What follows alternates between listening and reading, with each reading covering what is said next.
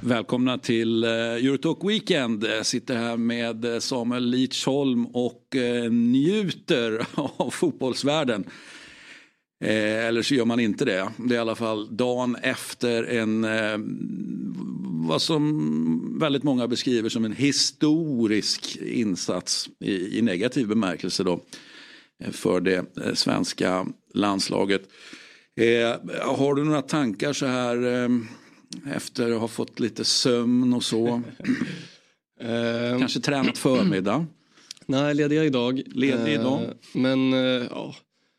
Jag har ju inte varit med lika länge som många andra. Jag såg att du var ute och twittrade om att det, det kan vara det sämsta du har sett. Jag har inte varit med lika länge och sett lika mycket av svenska landslaget.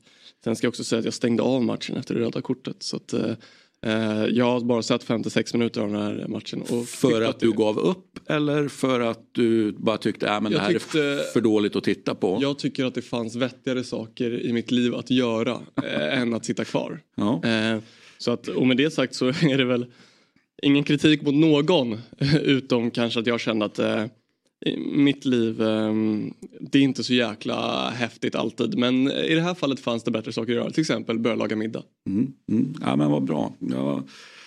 Finger också eh, på mat där. Var, var, eh, eh, pasta med eh, salsiccia-färs körde jag. Vad körde du för någonting? Ja, men jag gjorde, vi brukar göra ganska nice mackor eh, ja. Eh, som vi körde. någon variant på en club sandwich i alla fall. Ja, Så det var bra. Någon riktig typ eh, Dagobert-storlek? Nej, liksom, nej, nej, inte, nej, Inte, inte så stora men uh, försöker göra det bästa med, med liksom, ja, men, olika, vad säger man, inte fyllning men ingredienser kanske i mackan. Då. Mackor är alltså, för mig tycker jag mackor är bra skit alltså. Mm. Mackor, det finns mycket att göra med mackor. Mm. Um, så att nej, vi slår till på det någon gång ibland. Mm. Och igår blev det helt okej, inte det mesta. Men inte ja. den sämsta heller. Men, men under alla omständigheter bättre än det som visades på tv. Ja, framförallt viktigare kanske. som. Ja, men jag säger inte emot. Däremot så tyckte jag det var jag tyckte det var intressant att se. För alltså, om, om, det, om det finns någonting bra med det som hände igår. Eh, det kan man alltid diskutera om det gör det när, när, när man jo, men med. Det, ja. Men, men det som jag tyckte i ett historiskt perspektiv då. Eh, så känner jag att ja, men, Olle Nordin. 1-2, 1-2, 1-2, 1990. Eh, det är klart att Olle Nordin ska ha kritik. Jag menar, det är ju tränaren som preparerar eh, liksom laget, då, svenska landslaget i det fallet. Eh, men har ju fått oerhört mycket kritik. Eh, liksom det känns som att han var liksom ohotad etta någonstans. Att det, det är på något sätt eh, det näsligaste eh, man har varit med om liksom för svensk landslagsfotboll. Eh, men nu känner jag faktiskt att det här var eh, absolut eh, liksom mycket sämre. Jag kan, jag kan liksom inte eh, se det på något annat sätt. Eh, och, och, och då får han Nordin eh, som ju under sin förbundskaptenstid ja, men hade, ja, men började jättefint, kvalade inte in till EM 88 men kvalade in till 90 90 och eh, sen hände ju det som alla vet hände. Och, och, var det bara Olle Nordins fel eller var det spelarnas fel också? Det kan man ju vända och vrida på. Men det positiva jag tar med mig här då jag kanske kan hitta mer positiva grejer men det första då, viktigaste, det är faktiskt eh, någon slags upprättelse för Olle Nordin. Det är, det är min historiska take på det. När jag tittar bakåt och känner på de förbundskaptenerna som jag har upplevt då helt enkelt. Ja och jag gillar eh, att sitta här med dig när du tittar bakåt i och med att jag vet inte ens vem Olof Nordin är, typ. um, så att, eh, jag lär mig mycket av att sitta här i det historiska perspektivet men du är ju väldigt tydlig här eh, på Twitter som ni kan se, eller X numera. Eh, du skriver som sagt Jimmy Nordin, Olle, alla dagar i veckan. Mm.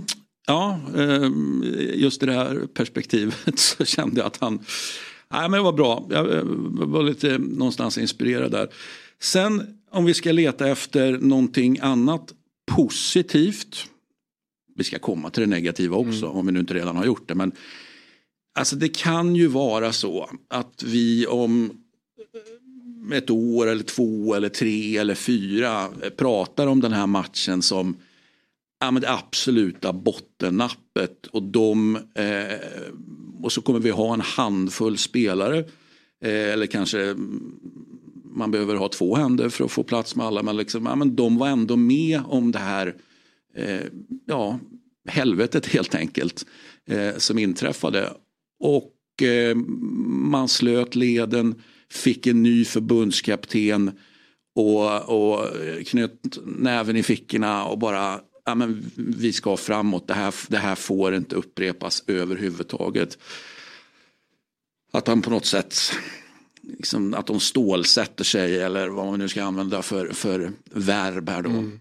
Det, det, det är också en potentiell positiv eh, grej. Enligt mig. Ja och sen så antar jag bara, jag har ingen aning hur det går i rekryteringsprocessen av en ny förbundskapten men jag antar att man är i dialog med flera stycken eh, potentiella förbundskaptener eh, redan idag som förbundet och eh, jag tror då att de som har fått någon slags samtal, någon slags kontakt kollar ju såklart på den här matchen och, och se, har väl idéer och ser väl ja, men dels hur truppdemografin ska se ut och vilka som ska vara med och inte ska vara med. Men också hur man kanske ska ja, men maximera spelarnas egenskaper och, och kvaliteter på planen i form av då spelsätt eh, etc. Liksom. Mm. Eh, för det är ju en sak vi måste vara, vara tydliga med också. Så, alltså, så här dåliga är ju inte spelarna. Alltså re, rent speltekniskt så är de ju inte så här dåliga. I den här matchen och några matcher på slutet så har man ju varit eh, mentalt då. Det är klart att det mentala hör till eh, kvaliteter och färdigheter hos, hos en fotbollsspelare. Men det är ju en mental kollaps och blockering som har blivit på slutet som ju jag inbillar mig, eh, eller anser mig veta, absolut har att göra med eh, att vi har en förbundskapten eh, där det är väldigt uppenbart då och kanske har varit uppenbart ett år eller två eller tre eller någonting sånt att ja, men det här, liksom, den här eran var slut. Det behöver man inte vara Einstein för att, att, att konstatera. Men vi har ju som jag tidigare konstaterat i Eurotalk Weekend så förtvivlat svårt att byta förbundskapten i tid. Så in kommer en förbundskapten, gör bra ifrån sig, eh, vi ska generalisera lite grann oftast eh, i, i början eh, och sen så börjar någon slags utförsbacke och det ser ut så precis hela, alltså varenda, den, den enda som inte hinner få, eller fick han ju i och för sig en, en, kanske en snabb utförsbacke, men det är ju Olle Nordin faktiskt. Eh, men annars så... Som nu ska äh, tillbaka? Som, ja men eh, de, de, blir hängande för länge på jobbet helt enkelt och, och, så, och så tappar man energi och så tvingas man byta. Alltså hade man bytt, eh, det är svårt att generalisera men hade man rent generellt då bytt två, tre år tidigare, alltså än vad man gör så, så eh, är det rätt mycket som hade kunnat se annorlunda ut i svensk landslagsfotboll. Det, det är i alla fall min fasta övertygelse. Ja, jag tycker att eh, Kim Hellberg var ju här i eh, Eurotalk eh, eh eller Fotbollsmorgon lördag var det, eh, och pratade lite om förbundet och hans syn på vad man kanske fokuserar på idag och vad man kanske ska fokusera på längre fram. Jag tycker att han var väldigt pricksäker i sin analys i att svensk fotboll har ju, som du är inne på, man har haft problem med generationsväxling inte bara på, på planen men även på, på ledarsidan. Men jag tycker också att debatten idag i svensk fotboll eh, inte fokuserar alls på vad vi ska göra på plan för att bli så bra fotbollsspelare som möjligt utan man, man fokuserar ganska mycket på andra områden. Och jag tycker att det hade varit hälsosamt för Sverige, för, för en svensk debatt och för, för både förbund och, och tyckare och journalister och, allt, och tränare Om man ska involvera nästan så många yrkesarbetare som möjligt i det här tycker jag. För att vi måste också ändra vårt fokus. Um, vi måste ändra vårt fokus tror jag i svensk fotboll från att vi ska ha en väldigt stor respekt för alla som vill fokusera på, på bredd, alltså att spela för att det är kul. För det måste vi ha, det är jättebra för samhället och där måste vi trycka. Men vi måste också respektera och ha fokus på spetsen och på eliten. Och jag tycker att man har blivit jag tror att för mig känns det som att det är lite som en svensk mentalitet att man fokuserar lite på bredd för att alla ska vara med och jag tycker att alla ska vara med men man glömmer också bort att de som är bäst vill tävla mot de bästa och de som är bäst vill bli bäst och det, det är liksom där måste vi också acceptera och det är ju kulturellt i det svenska samhället. Men här i fotbollen tycker jag att man måste ha två bollar i luften samtidigt. Att vi måste kunna fokusera på att göra förutsättningarna och då handlar det även om planer i liksom, eh, alla storstäder eh, men framförallt Stockholm i synnerhet. Då. Eh, men också att man får liksom utrymme och utveckling och då pengar från förbundet som vi kollar på våra grannländer som springer om oss i i klubblagsranking men även i landslagsranking just nu. Så det, det handlar ju för oss att vi måste plöja ner väldigt mycket mer pengar i liksom spetsen för att kunna få upp eh, både, både planer men också en, en tränare och spelare som, som klarar av att prestera på den här nivån. Men, eh, men eh, även, och framförallt då så måste vi också ställa högre krav på, på landets två högsta serier och verkligen då i, från en som spelar liksom planer generellt. Jag tycker att eh, man kan snacka om gräs och eh, kontra konstgräs eh, alla dagar i veckan men har vi ingen, har vi ingen standard på underlag, liksom kvaliteten oavsett konst eller gräs då blir den här debatten tycker jag helt fel och helt snedvriden. Så det, finns väldigt många områden ehm, eh, och, som, som svensk fotboll behöver engagera sig i för spetsen också nu när man har gjort ett så stort arbete för bredden. Och redan där kan jag tycka att man måste börja där någonstans för att kunna få utveckling på det A-landslag och den generationen som kommer komma upp.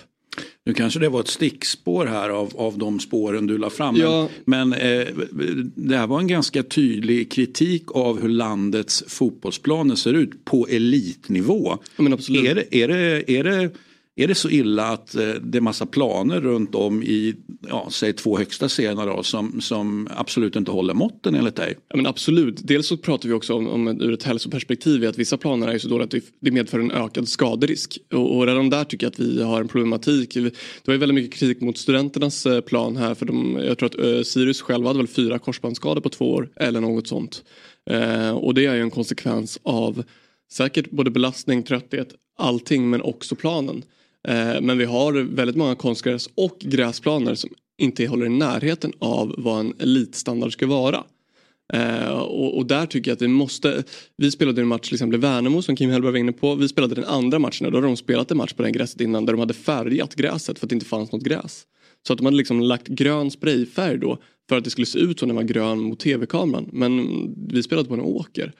Och där menar jag att det finns liksom, och alla klubbar som kommer upp i Allsvenskan, inklusive vår, Grimsta fick ju, får ju dispens hela tiden. Man får ju dispens för allt. Så det ställs ju inga krav, eller så här, det finns en viss kravställan men du får alltid dispens ändå. Nu kommer Västerås upp, jag har spelat i Västerås, jag har spelat på planen i Västerås väldigt många gånger. Den är oduglig.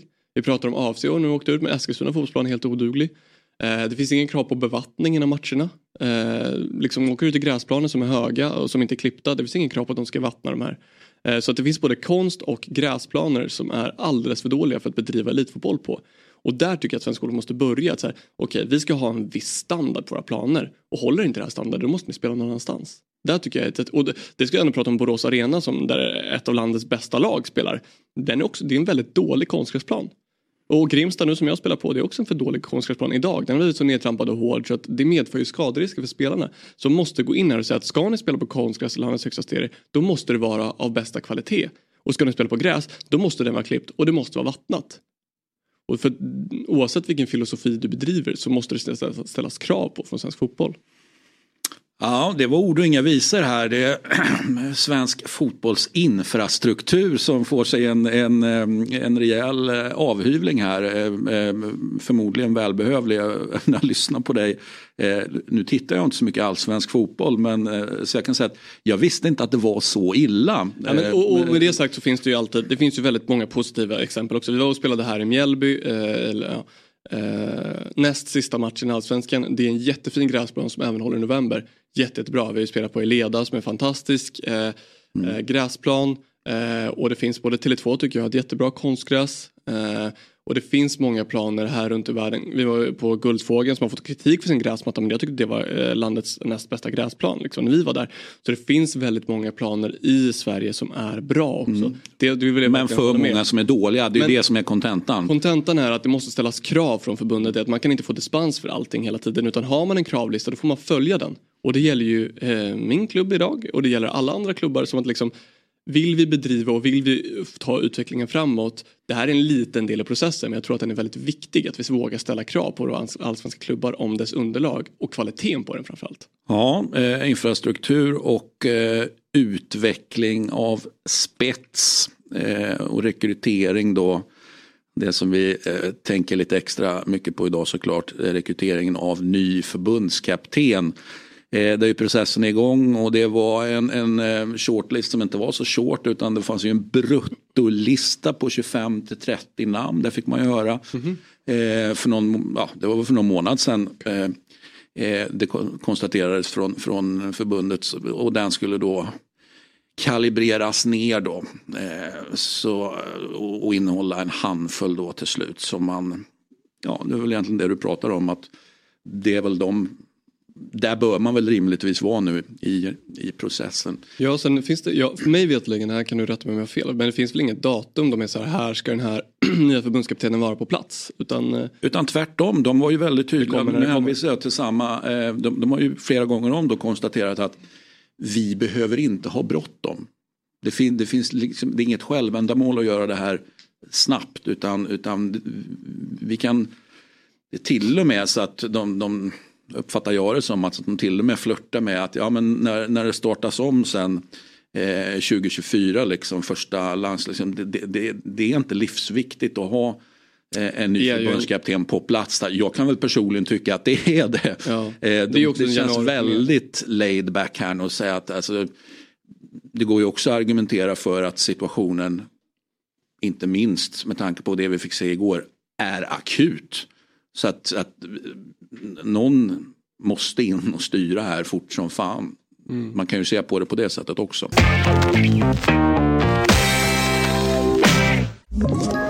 Ett poddtips från Podplay. I podden Något Kaiko garanterar östgötarna Brutti och jag, Davva, dig en stor dos skratt. Där följer jag pladask för köttätandet igen. Man är lite som en jävla vampyr. Man har fått lite blodsmak och då måste man ha mer. Udda spaningar, fängslande anekdoter och en och annan arg rant. Jag måste ha mitt kaffe på morgonen för annars är jag ingen trevlig människa. Då är du ingen trevlig människa, punkt. Något kajko, hör du på podplay. Därför är gardinerna.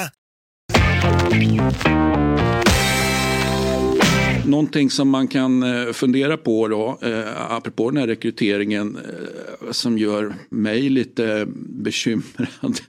Det var ju Mattias Svanberg då som kommenterade Eh, det var väl inför matchen eh, under samlingen liksom att ja, men, eh, förbundet här de kommer ge spelarna en säg om ny förbundskapten.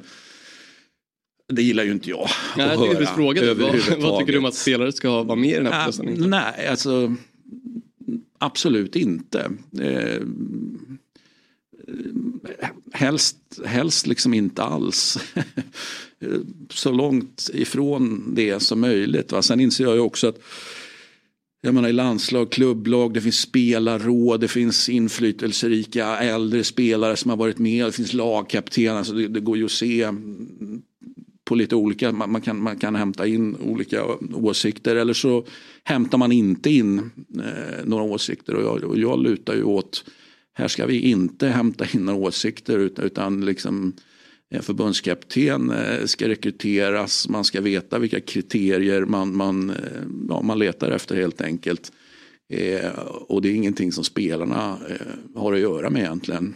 Förutom att de ska prestera under en ny förbundskapten såklart. Om man nu tar hjälp av spelarna i ett sånt här fall, tror du, varför tror du man gör det? Ja, det är väl kanske om det nu är så att man gör det, vilket ju Svanberg då, vi får, väl, vi får väl tro att han berättar sanningen helt vi, enkelt. Ja. Eh, du, var ju inne tidigare på vad, vad du beskrev som en väldigt liksom, svenskt upplägg eller svensk mentalitet. Ja, men det är väl möjligtvis att det är en sån grej då att, att, att det är någon, någon liksom svensk väg man går liksom. Att man hör sig för med, med, med, spelar, mm. med spelartruppen då. Jag tycker det låter helt vansinnigt. Ja, sen vill jag också vara tydlig, jag kanske lät väldigt kritisk mot svensk mentalitet men jag tycker det finns väldigt mycket fantastisk svensk mentalitet också. Jo, men jag tycker att det här är eh, liksom punkter vi måste adressera. Jag tycker den svenska fotbollsdebatten ibland kan bli lite ensam i att alla spelar på plast. Eller, det är ju väldigt mycket snack om supportrar och jag har all, den största respekten för supportrar och deras ideella jobb de gör. Det, det gör att mitt jobb tycker jag är det bästa i hela Sverige, att spela fotboll inför många supportrar. Men jag tycker att vi måste ha en bredare diskussion om svensk fotboll också. En, som jag inte tycker eh, förekommer speciellt ofta. Mm. Mm. Nej, det har ju varit en viss kritik eh, under väldigt lång tid att det finns en likriktning och då tänker jag väl kanske framförallt på att eh, man har en känsla av liksom, ja, men väldigt många tränare under väldigt många år spelar väldigt likadan fotboll. Det, det kändes som att det fanns det bröts inte liksom mot varandra, åsikter, olika spelstilar och så vidare. Eh, med det sagt så hade vi ju ett 70 och ett 80-tal där det var fotbollskrig då mellan, mellan 4-4-2-gänget och ja, men Laban då får man väl säga kanske som stod emot där och Åby till viss del då. Så att vi har ju haft, vi kommer ju från en historia av, alltså sprängfylld av, ska man säga, konflikter i positiv bemärkelse. Då. Jag tror att det har varit bra idag. Men det, jag tror det är väl också någonting som vi ser idag. Att eh, det ropas väldigt mycket eftersom Sverige är ett land, fotbollsland så kollar också väldigt mycket internationell fotboll. Att det ropas efter en viss typ av spelidé.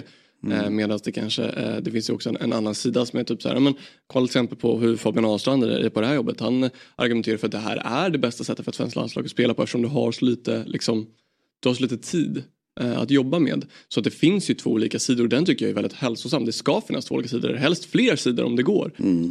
men jag tycker att vi måste, vi måste fortsätta, fortsätta att diskutera det här. Jag tycker att det är bra för svensk fotboll att diskutera det. Mm. Um, men eh, det var någonting annat jag skulle eh, fråga dig om eh, Christian. Om eh, svenska landslaget? Ja. Eh, mm, mm. Men, det... Under tiden kan vi väl bara konstatera då, vi ska fortsätta, fortsätta och raljera lite grann då så blev det ju inget eh, A-landslag för Rooney trots då skadorna både på Karlsson och Almqvist. Eh, och då får man ju och när jag säger raljera så raljerar jag inte över det utan jag konstaterar Jannes ordval där. Och han är inte där än. det känns ju så här dagen efter och när man såg det där då. Eh, ja, som ett lite dråpligt uttalande. För vem var där egentligen? De var ju inte där mentalt, gänget. Nej, så kan det väl vara. Eh, sen så är ju han förbundskapten och han bestämmer vilka som ska ut och, och, det är hans åsikt som spelar roll. Om han inte tycker att Rooney är där så, så, så spelar det ingen roll om, om andra tycker att, att mm. Rooney är där eller inte. Nej, nej, det är ju så, så är det ju såklart. Det som jag tänkte fråga dig är, så här, jag tycker att det är nu har vi Jan Andersson som förbundskapten. Han spelar fotboll på det här sättet. Mm. Och jag tycker att det, det kan jag tycker att vi behöver integrera spelarna i landslagssättet. Att spelare i ungdomslandslag till A-landslag ska spela på ett liknande sätt. Att vi ska ha en svensk modell för hur vi ska spela fotboll. Hur det gamla Barca-upplägget eller Cruyff-upplägget eller ja. Rinos, ja, men det, låt oss säga Cruyff då för det är det första jag tänker på. Att man, att man ähm, ja, men, och, ska så, spela på ja, men, och, jag är för det och jag såklart. Och jag, när vi, vi har pratat tidigare om liksom hierarki i klubbar så är det så här, men presidenten och en sportchef sen anställer en tränare som klubbens DNA vill ha. Eller vi vill spela inte den fotboll, vi, vi sätter Christian här för att han spelar på det här sättet som vi tycker att vi ska spela som klubb. Jag tycker att förbundet ska göra samma saker. Hur vill Sverige, svensk fotboll spela? Okej, vi vill spela på det här sättet. Ah, Okej, men då ska vi ha en förbundskapten som spelar på det här sättet. Sen ska alla lag från AU, U, eh, U21, U19 eller U18, U17 och så vidare och så vidare spela på det sättet. Eh, för att det blir tydligare för de här yngre som kommer in att jag har spelat på det här sättet om man nu har varit med i ungdomslandslagen. Och eh, det givna, eh, så att säga, jag ska inte säga frågetecknet, men det jag tänker på direkt då är ju att det kommer att vara landslagsaktuella och landslagsuttagna spelare som spelar i klubbar som har valt alltså, ett annat spelsätt helt enkelt. Och, det enklaste sättet tycker jag att se på, ja, men, eh, för mig grundläggande val, ja, men fyrbackslinje eller trebackslinje. Och, och tre kan ju ofta vara lika med fem liksom. Men, den är, den är så lätt att landa i och jag tänker inte minst då på, på VM 90 Olle Nordin igen. Eh, där han ju hade eh, att, liksom, att tillgå spelare eh, från eh, där man spelade olika man spelade olika fotboll helt enkelt. Va? Flörtades med just, just den här backproblematiken då. Där det fanns eh, gott om bra spelare men, men det blev en otydlighet just i ja, men hur vi skulle ställa upp. Så, så, så det är ju en given, eh, jag säger inte att det är ett argument emot det du säger utan jag, jag håller med. Jag ser gärna att vi, att vi jobbar ja, men så här vill vi spela. Eh, en, en rejäl analys vad man vill spela för fotboll. Och så gör man det och sen kan man alltid diskutera, ah, men ska de göra det från, från, från 11 år eller ska man börja 13 ungefär, alltså när exakt ja, börjar man? Landslag är ju från, från och med 15 tror jag så mm. det, det, blir väl eh, tidigast där då, då, men jag tycker att man kan bedriva landslaget, alltså svensk fotboll som, som ett klubblag här. Här har vi mm. en tydlig ledning, de som bestämmer och då får mm. de också sätta liksom, det här i tanke. De, de här egenskaperna vill vi ha i vårt spel. Sen kan jag tycka formationer är idag jag tycker att formationer är idag, folk säger att man inte ska säga det men det är lite mycket liksom, vi ställer ut ett lag på pappret som kanske ser ut så här men det ser inte ut så liksom in game. Och, och, så att just siffror i, i form av fotboll det tycker jag inte är så viktigt. Det viktigaste är hur, egenskaperna hur man vill spela. Um, och där kan jag tycka att från, helst från 15 års ålder då, så ska landslagsfotbollen um, då ska du tränas ut i det liksom, i, i landslagen när du är på den läger. För att även om det inte är jättemånga som går från 15 års landslag till A-landslag så de som hoppar på längs vägen de kommer ändå få ta en del i att man i och med att man har väldigt få dagar att jobba som landslag ta en del i hur man ska spela då när man kommer upp till A-landslaget om man kommer upp till A-landslaget. Mm. Ja, men spännande det här med eh, sätt att, att, att spela på. Det tar ju oss egentligen från eh, landslaget. Vi nu, nu, nu, låter vi dem slicka såren eller, eller, eller, eller, eller skämmas vidare. För de, de säger ju det alla spelarna att vi, äh, men vi skäms. Liksom. Så att, eh, ja, då får ni gå och skämmas då till, till eh, matchen mot Estland så får vi se hur många som dyker upp på Friends. Eh, och så kanske vi får den här diskussionen igen om vilka det är som är hjältar då. De, de, de eh, eh fåtalet på läktaren. Ja, de var ju hjältar i, i Azerbajdzjan då, var ju, var ju alla överens om. Både inför och, och, och efter matchen. Så att eh, det är inte utan att det ska bli spännande att se vad som händer, tycker jag, på, på mm. Friends. Alltså hur, jag tror vi vinner 5-0. Ja, Eh, är det en sån match ja? Ja men jag tror det. Jag tror att det blir eh, Estland som är rejält svaga och jag tror att eh, jag tror att landslaget är bestämt bestämda på att man ska liksom bevisa att det här var en jävla skitmatch. Vi går vidare och vi ska visa att vi, vi, liksom, vi kör över Estland. Så jag tror det kan bli 5-0. I wish, mm. säger jag. Mm. Men, men sen brukar jag också säga fan trot när jag inte är riktigt övertygad. Nej, jag, jag är lite, ja, har jag hört det här lite för många gånger nu, inte från dig, men från, från spelarna att men, sen det blir mer eller mindre klart, men, nu spelar vi för stoltheten och ja, men spela, ge, ge Janne ett bra avsked och så får man höra att Janne är en fantastisk människa. Ja men det är ju jättefint att Janne är en fantastisk människa. Liksom. Men jag börjar bli väldigt trött på, på alltså jag har ingenting emot fantastiska människor och stolthet och allt det där. Men, men jobbar du med den här typen av ord och uttryck hela tiden ja, men då får du fan leverera. Ja och det är klart att, att eh, resultatet och prestationen, Azerbajdzjan inte var vad någon trodde eller önskade sig men Estland hemma, eh, Estland tog sista gruppen. Vi, eh, jag tror att vi som sagt, vi, vi kör över Estland. Ja, vi får se vad som händer. Eh, eh, den här diskussionen om spelsystem den tar oss ju bara pang bom direkt då, till Napoli som jag har fått det, det är en av de här grejerna, alltså, man älskar ju inte landslagsuppehåll, det har vi varit inne på tidigare, ja. för att vi älskar klubbfotbollen mycket mer. Eh, eh, men en grej som jag tycker är väldigt intressant och en, en, en, en, en trigger för vissa grejer, ja, men det, det är ju landslagsuppehåll. Ja just det, ja. Det är läge, om det nu är läge i någon klubb och det finns ju många klubbar där ute eh, att byta tränare, ja då är ju det här ett bra, för du får lite tid. Den nya tränare kan eh, hinna göra x antal träningar innan man faktiskt börjar matcha igen efter.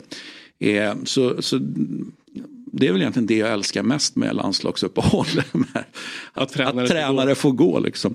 Eh, och nu fick Garcia som ju du... Eh, Men jag var väl inne på det i en, ja, våra du första har ju, avsnitt du sågar ju honom längs med fotknölarna. Att, eh, det, vi får se hur det blir här med om man, om man kan gå till Saudiarabien och tillbaks till europeisk mm. toppfotboll och fortsätta leverera. Mm. Och han har inte gjort eh, några vidare resultat varken i Saudi eller Europa innan det här. Då.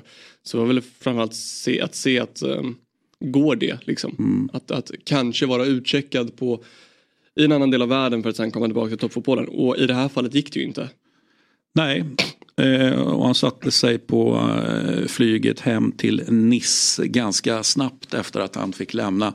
Och en som inte kom inflygande från Nice direkt utan eh, jag tar för givet att han tog bilen ner från ehm, eh, San Vincenzo, han bor ju där eh, kring Livorno helt enkelt.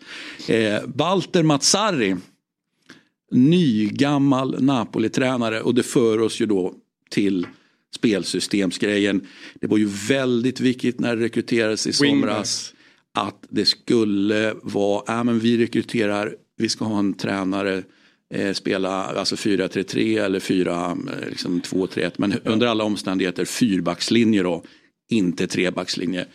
Walter Mazzari då som har eh, under en hel karriär då praktiserat eh, ja, trebackslinje, jag skulle snarare vilja säga fembackslinje. Hette han Maggio, höger wingbacken som sprang? Precis, Maggio.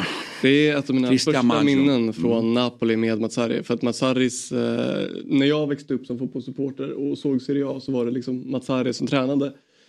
Tränade Napoli då eh, och det var verkligen, här får vi upp en, lag, eh, en bild på det här laget och det här var liksom och vet vad det här är? Det här är, Berami. det här är alltså eh, Mazzaris eh, i den första sessionen sista uppställning av Napoli. Oh. Med Rosati eh, mellan stolparna, Rolando Britos Cannavaro backlinjen. Fyra man på mittfältet, Maggio Berami, Zemaili Zuniga, eh, Pandev Hamsik ligger och, och, och eh, ja, i kölvattnet på Cavani. Eh, vad känner du där? Ja, men för mig är det här liksom mina tonår där jag kollade väldigt mycket fotboll. Det är så jäkla mycket Napoli för mig. Eh, exklusive Pandu kanske. Men, men verkligen Zemaili Berami på ett mittfält. Det är liksom det är fötterna Gud glömde någonstans eh, och det handlade om blonderade hår och jobba hårt och tacklas liksom. Och eh, Tuniga med, med då rappa fötter och Maggio som ett pendeltåg på kanten. Det var liksom där det hände. Och sen såklart Cavanis eh, och, och Hamsiks eh, målproduktion. Och, nej, det här, det här eh, tar mig tillbaka till tonåren. Och, för mig var det också så här Cannavaro, den dåliga brodern liksom. ja, för han var ju sämre än brorsan. Det är ju, är det, det är ju bara så. Va? Svårt att vara kanske bättre då. Men, men att han var liksom så mycket sämre. Då. Och det var ju väldigt mycket snack i mina kretsar då, okunniga kretsar och jag var inte heller så kunnig här liksom att Cannavaro liksom, han spelar bara för att han är brorsa till Fabio då, liksom. Ja, nej men eh, han fick ju, eh, fick ju en hyfsat fin karriär ändå får man ju, får man ju säga. Eh, nej, men det var lite down memory lane där. Alltså, det vi har pratat om här är ju då 19 maj 2013. Eh, inte utan att det är lite eh, nostalgi. Men nu är det, ja, nu är det 2023 och eh, det sägs... Att Maggio ska tillbaka? det sägs att eh, han faktiskt då har, eh, alltså på direkt fråga då från Aurelio de la Rentes. Ja, men, vilket, alltså, vilket spelsystem eh, kommer du, skulle du spela? Ja, men vi har det här materialet. Vilket spelsystem skulle du spela? Eh, alltså under rekryteringsprocessen. Eh, och då ska ju helt enkelt Mansari ha sagt att nej, det är 4-3-3 som gäller. Eh, en som svävade på målet lite grann då enligt uppgift var ju Igor Tudor som då inte kunde ge ett direkt 4-3-3 besked. Utan, ehm, utan han, han, ja, han, han, han, han, sa inte att han inte skulle spela det men han sa liksom att ja, men typ, vi, ja, men vi får se liksom det som är bäst för, för laget. Någonting sånt. Och där han föll bort. Eh, och där åkte han. Sen fanns det väl ett perspektiv också där, där Sarri går med på att ah, jag tar det här jobbet säsongen ut. Tudor var ju inte speciellt intresserad av säsongen ut utan han ville ju ha nästa äh... säsong också då såklart. Eh, så det finns väl många olika grejer. Men det är ju inte utan att det kommer bli väldigt spännande att se när, när klubbfotbollen eh, är tillbaka igen. Vad som händer med, alltså för min egen del så känner jag Mats Sarri jag har ju sån här, eh, jag brukar jobba med waiting list, alltså just i ett italienskt perspektiv. Och det här är ju inte waiting list supreme. Nej, eh, men den här waitinglisten, där, där, där, man kan ju hamna i ett visst läge där en tränare, ja, man har inte jobbat på väldigt länge, alltså där en tränare börjar bli utcheckad. Eh, och Matsari var ju eventuellt i ett sånt läge. Vad är där... år sedan? För här var det ju tre år sedan han tränade eller ja. inte var kvar i, i Torino då. Ja.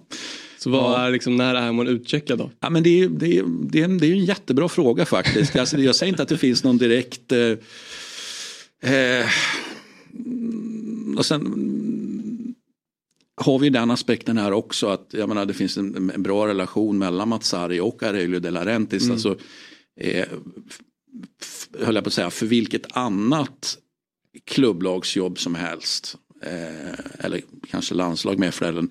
Då hade jag ju känt att ja, men han är nog utcheckad.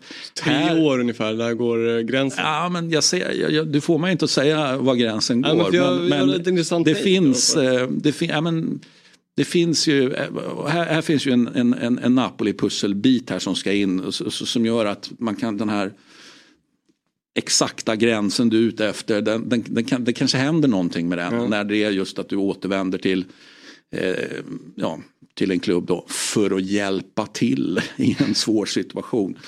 Eh, ja, men, eh, jättespännande och eh, det blir ju någonstans inte mindre spännande av de nästa fyra matcherna som Napoli har att spela. Jag vet inte om du uppdaterar där eller vill du bli uppdaterad? Jag vill jättegärna, jag tänkte bara innan det säga att um, här har vi Matsari tre år sedan han tränade Torino och det har varit jäkla mycket snack om Zidane. Var ska Zidane någonstans? Liksom? Mm. Och hur länge ska han vänta? Det snackar franska landslaget, Juventus, Manchester United har ryktats, PSG, Marseille. Går det här, går det inte? Men vi har ju faktiskt um, i sommar, tre år sedan Zidane tränade Real Madrid. Mm. Och känner du att han är utcheckad? Ja, jag gör ju inte är. det. Är han utcheckad Nej. då eller inte? Nej. Zidane kan kanske inte vara utcheckad, eller? Han är inte utcheckad i alla fall. Nej, bra. Eh, bra då, det, det, ja, men det, det, är jag säker på. Då får du gärna briefa mig sen på Mazzaris eh, matcher här. Ja, Napolis eh, nästa fyra matcher då. Eh, Atalanta borta. Mm. Det är ju ett fint Atalanta, mm. så är det ju bara. Eh, Real Madrid borta mm. i CL då eh, såklart. Inter hemma. Eh, och så avslutar han då den här kvartetten med Juventus borta. han, är, han är ju inne för en rätt tuff månad om man säger så. Eller tuff start på nya jobbet. Onekligen, vad, vad är godkänt då på de här fyra matcherna? Hur ska man säga att han kommer ut med godkänt betyg närmsta fyra? Det beror ju också på hur det ser ut. Men det är klart att resultatet blir väldigt viktigt. Om vi säger så här. När man tittar på motståndet här. Om man tittar på ett Napoli som kanske inte har. De har haft svårt. Men de har övertygat kanske en match. Sett lite sämre ut i nästa och kanske sett okej okay ut i den tredje och så kanske övertygat i en fjärde. Eller så säger man att nej, de har inte övertygat i någon match. Men det tycker jag var lite för elakt då. Eh, men man måste ju faktiskt spekulera i att när man tittar på det här motståndet, liksom alltifrån alltså Atalanta, alltså, fyra förluster. Tänk om det blir fyra förluster. Det, vilket det, det verkligen kan bli. Vilket det ju faktiskt kan bli. Ehm, och då menar jag, men jag menar, var en... är gränsen för godkänt? Ja, det är det. En det... vinst, är en på fyra godkänt som ny tränare även spelschemat? Man Eller kan det jag, bli så att det jag, blir en retorno där för Garcia efter de här fyra omgångarna? Nej det tror jag inte. eh, jag säger så här, en, en, en, en eh, vad, vad, som är godkänt då med tanke på motståndet. Eh, och vi kanske har en, en, en skadesituation där vi får se om Osimhen ens kommer att vara med i någon av de här matcherna. Eh, det kan ju ha en viss inverkan. Men jag säger så här. Om, om han gör... Det ett, har en enorm inverkan om Osimhen är med. 1-2 då. En vinst, en oavgjort. Två torsk. Eh, skulle man vinna två av fyra då är det, är då är det ju bra. Eh, men jag tycker att det är faktiskt godkänt med en 1-1-2. Eh, sen kanske inte Napoli-supporterna är jättenöjda med en 1-1-2 men Nej. när jag försöker titta nyktert på det och återigen då inte från ett supporterperspektiv måste vi då väl och säga. Du kollar ju bara på hur... Ja precis. Då, då, då kan jag väl tycka liksom att ja. det är okej okay om man gör 1-1-2 här. Men eh, det ska bli väldigt eh, häftigt att se då. Vad, vad, ja, men, det säger jag ju om allting hela tiden. Att det ska bli spännande att se. Jag blir trött på mig själv ibland. Ja, vi, får, använda... vi får väl utvärdera det efter det här. Vi får väl mm. ta ett, ett Napoli-prat efter det här. Då Ja men det får vi göra. En grej som jag tyckte var lite häftig som då såklart kommer ifrån innan eh, landslagsuppehållet, det vill säga sista ligafotbollen.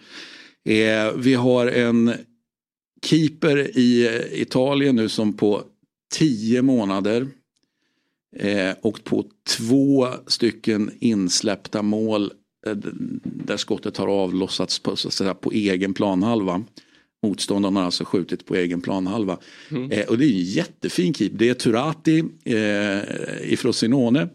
Eh, och eh, jag bara tycker att eh, ja, men det är ändå lite speciellt. Dels är ju mål från egen planhalva är ju per definition speciellt. Ja, verkligen. Eh, och eller ja, nu överdrev jag kanske när, när jag sa från egen planhalva. Näst, nästintill. Nu ser vi då... Eh, vi tittar lite DeMarco här ja. DeMarcos mål. Mm. Och det är ju då, för de som inte har sett det kan ju kolla, det är inte bara ett, ett, en crossboll från halva plan. Det här är ju ett, det här är ett väldigt bra avslut måste man ändå säga. Mm. Det krävs nog mycket för att den här bollen ska in och den det är ett jäkla avslut. Ja, ja sätter den. Så att, ehm, och är det inte DeMarco så är det eh, värre. Eh, I, i Palermo. Så att, eh, men, men uh, unge herr Turati då, jag, jag, är helt övertygad om att han hämtar sig. Men, uh, men jag tycker ändå, som sagt var, hyfsat unikt med, med att släppa från så långt håll. Göra det två gånger om. Och den här borde han ju ta från värre. Alltså DeMarcos mål är ju det är ett fantastiskt skott men det här är ju inte det. Han snurrar ju upp sig själv medan han kollar på bollen. Så det här borde ja, han ju ta. Han kanske har solen i ögonen. Ja. Det finns ju mycket sol där på Sicilien. Har jag hört. Ja.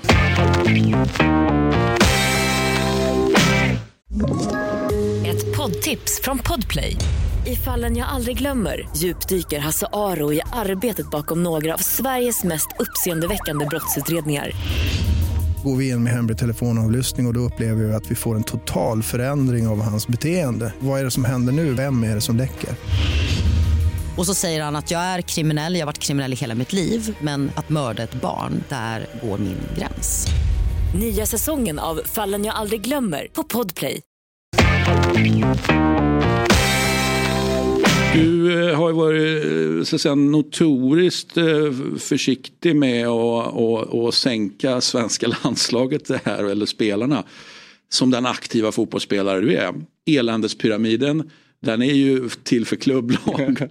Men hade det funnits en för landslag så säger jag då att då vet jag fan om vi inte hade haft Sverige eländespyramiden. Men kanske framförallt hade haft Brasilien där. Brasilien med den nya liksom eh, Relationsfotbollen. Relationsfotbollen. Supertränaren som David Fjell vill säga. Fluminenses då eh, huvudtränare som är väl någon slags, jag vet inte om han är interim men tillfällig i alla fall eh, förbundskapten för Brasilien. Eh, förlorar ju i, i natt mot, mot Colombia med 2-1 och eh, jag kollade bara på spelaren har i truppen då, eh, och på, på startelvan. Jag satt inte uppe i natt och kollade på matchen men jag noterar likväl att Brasilien gick väl obesegrade i, i förra VM-kvalet mm. eh, och eh, nu har man förlorat två matcher redan eh, och kryssat mot Venezuela borta.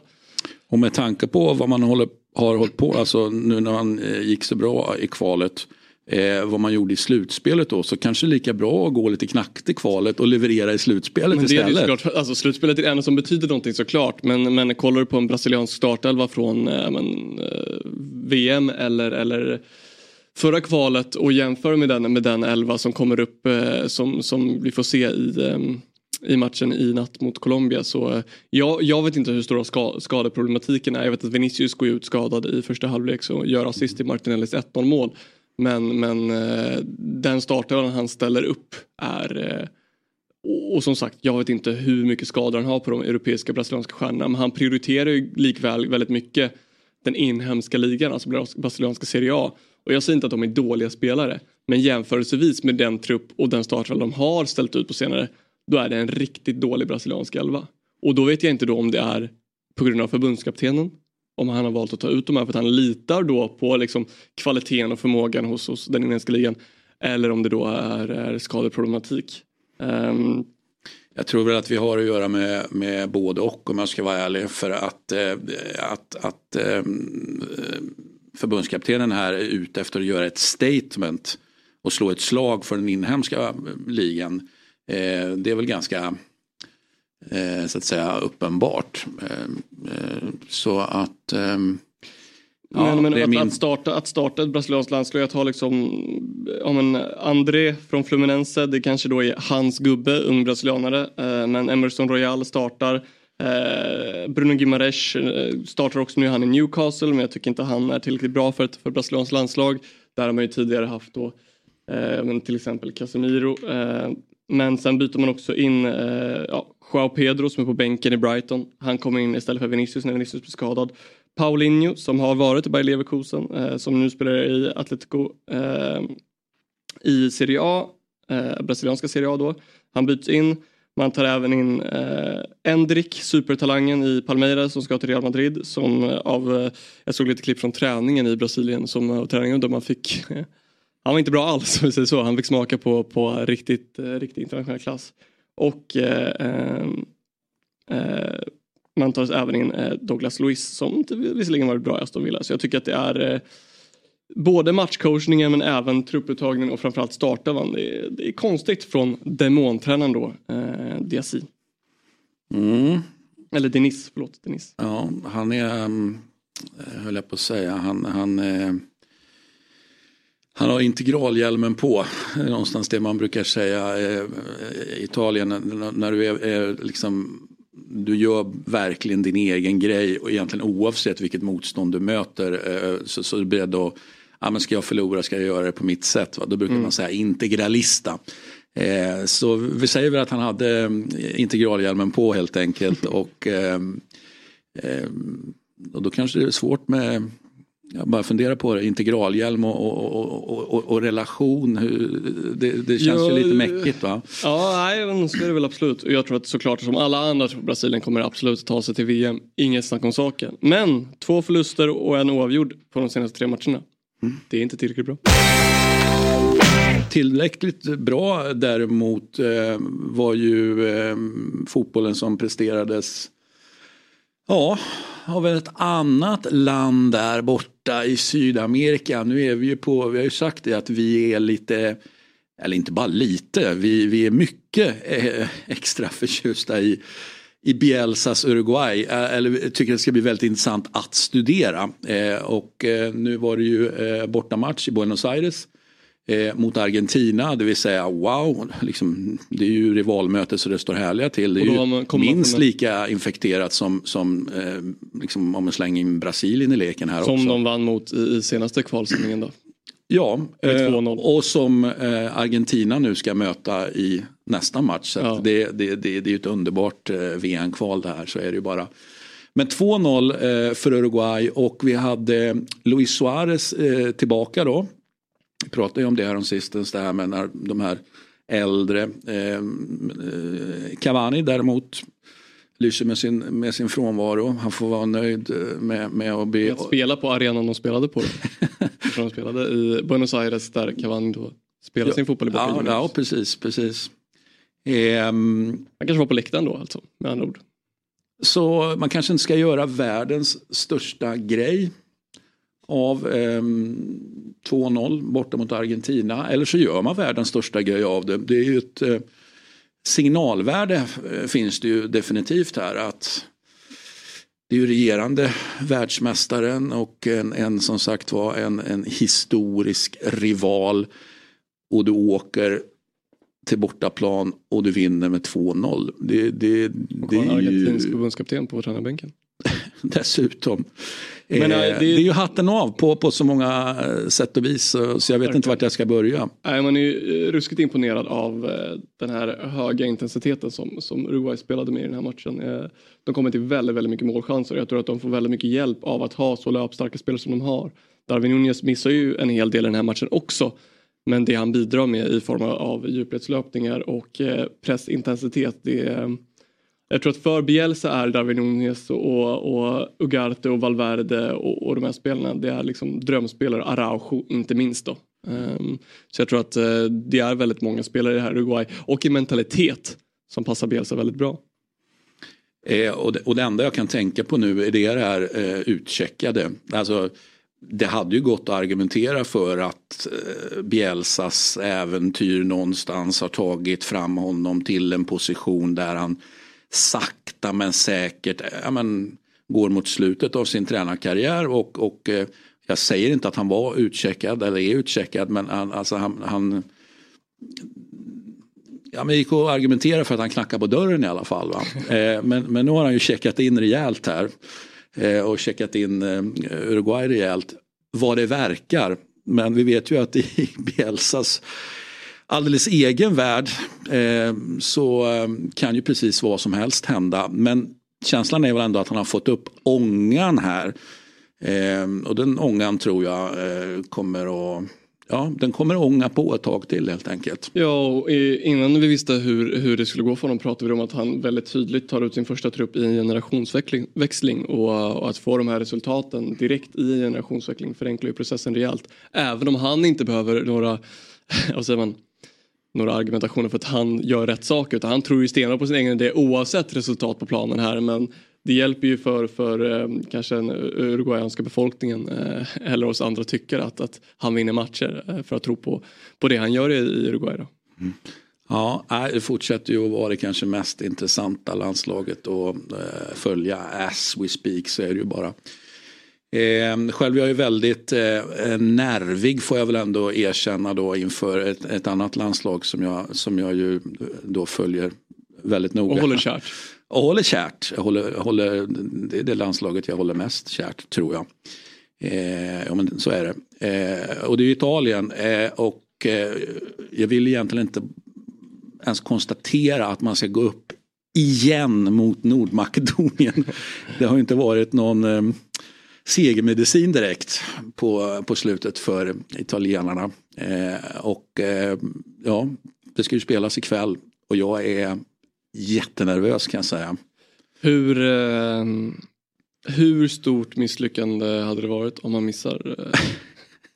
Igen? Igen. ah, nej, alltså. Den, den givna ursäkten då om man missar är ju, är ju såklart att Mancini tog sitt pick och pack och, och bara stack. Eh, och, och, lyckades överraska liksom väldigt många.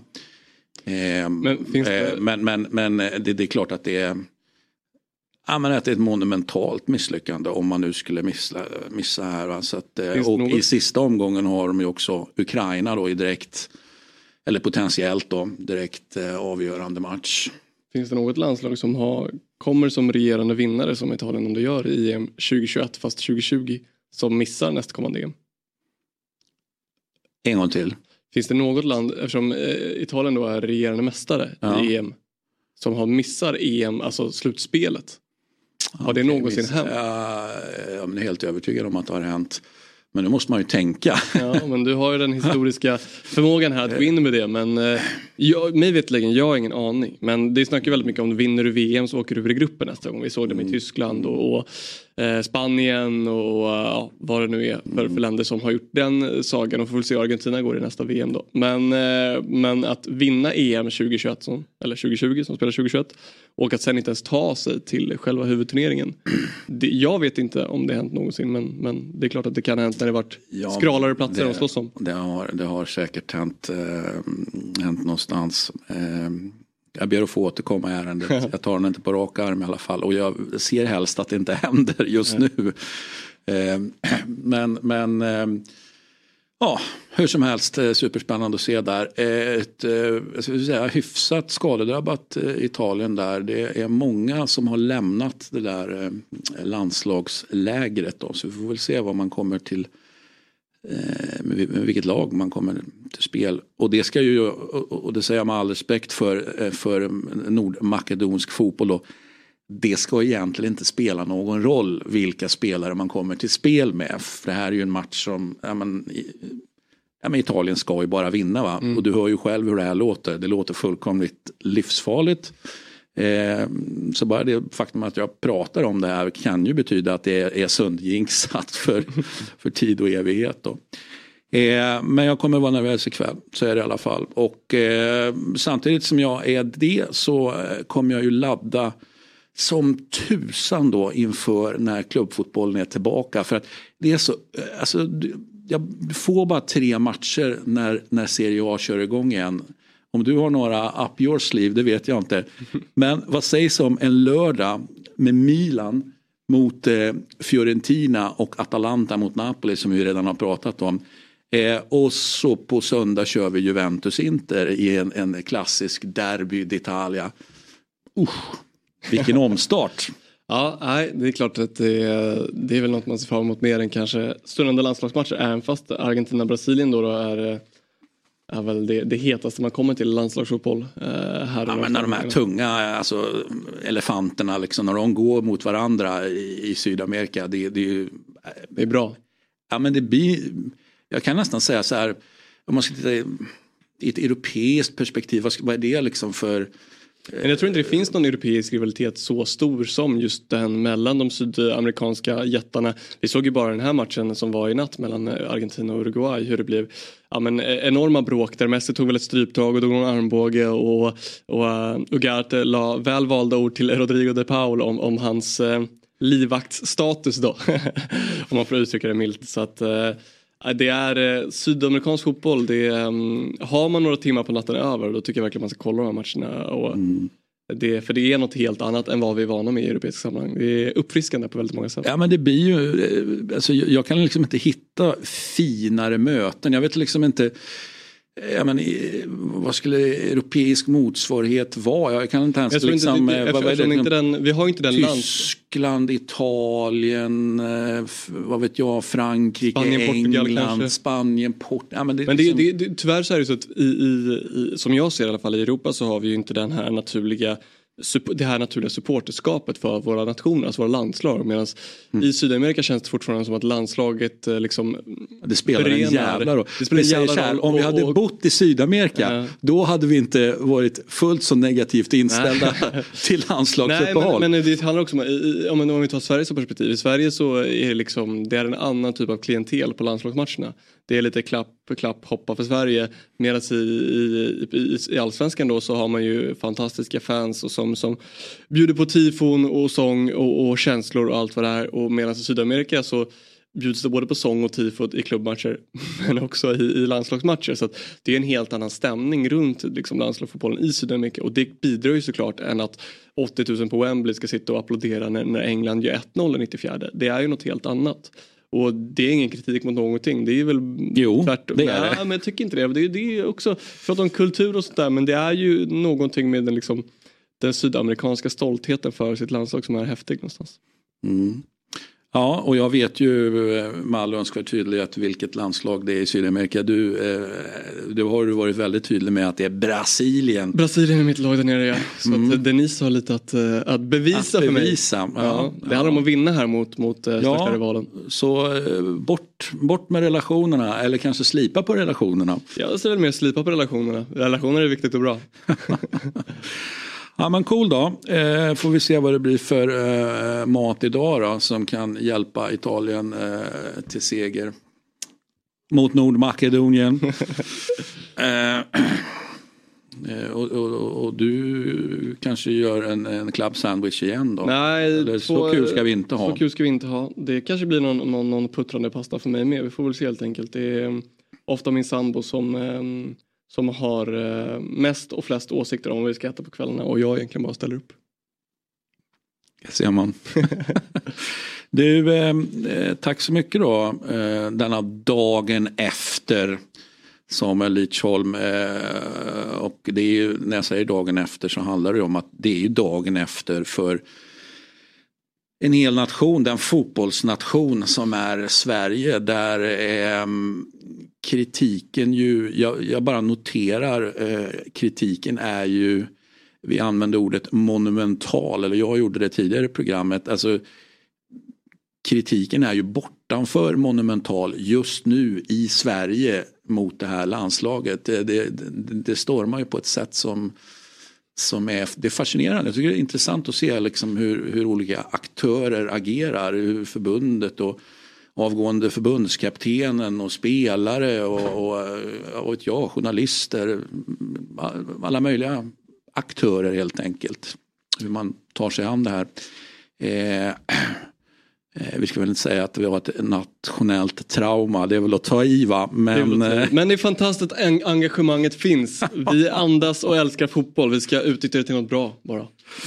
Ja men exakt. Och så ska vi fixa till ehm, eh, så att eh, landslaget spelar med en tydlig spelidé och inte bara i A-landslaget utan, utan i de yngre landslagen också. Eh, och så ska vi se till att de där kraven som finns på, på infrastrukturen i svensk fotboll, det vill säga planerna, att de faktiskt följs de reglerna och att eh, eh fixar till eh, elitplanerna helt enkelt. Det är mycket vi har, eller förbundet har på agendan. Ja men fantastiskt, tänk att vara del av den processen va? Ja, du, det hade man gärna varit och som det hade varit lätt att göra vissa av de grejerna fan så mycket bättre. ja. Säger jag blygsamt då. Då tänker jag snarare på att ge vissa förutsättningar och lugn och ro för en förbundskapten och ett A-landslag. Det är väl det jag tänker på. Är enkelt att göra bättre. Tyvärr måste jag konstatera. Men eh, nu har det sett ut så i x antal årtionden och jag blir bara äldre och äldre och börjar ju ge upp hoppet på, alltså kommer jag, någon, kommer jag i, i mitt liv få se en förändring? Fan trot. Vet du vad man säger då? Den som lever får se. Den som lever får se. Ja, är jag, jag, man, man, man, man, så länge det finns liv finns det hopp. Liksom. Jag lever ändå på hoppet men, men det, det, det är lite hopp där kvar efter alla år. Så är det. Eh, tack till er som har lyssnat på Eurotalk Weekend. Vi är såklart tillbaka nästa vecka och eh, ja, är precis lika laddade då. Jajamän. Tack, tack så mycket. Tack själv.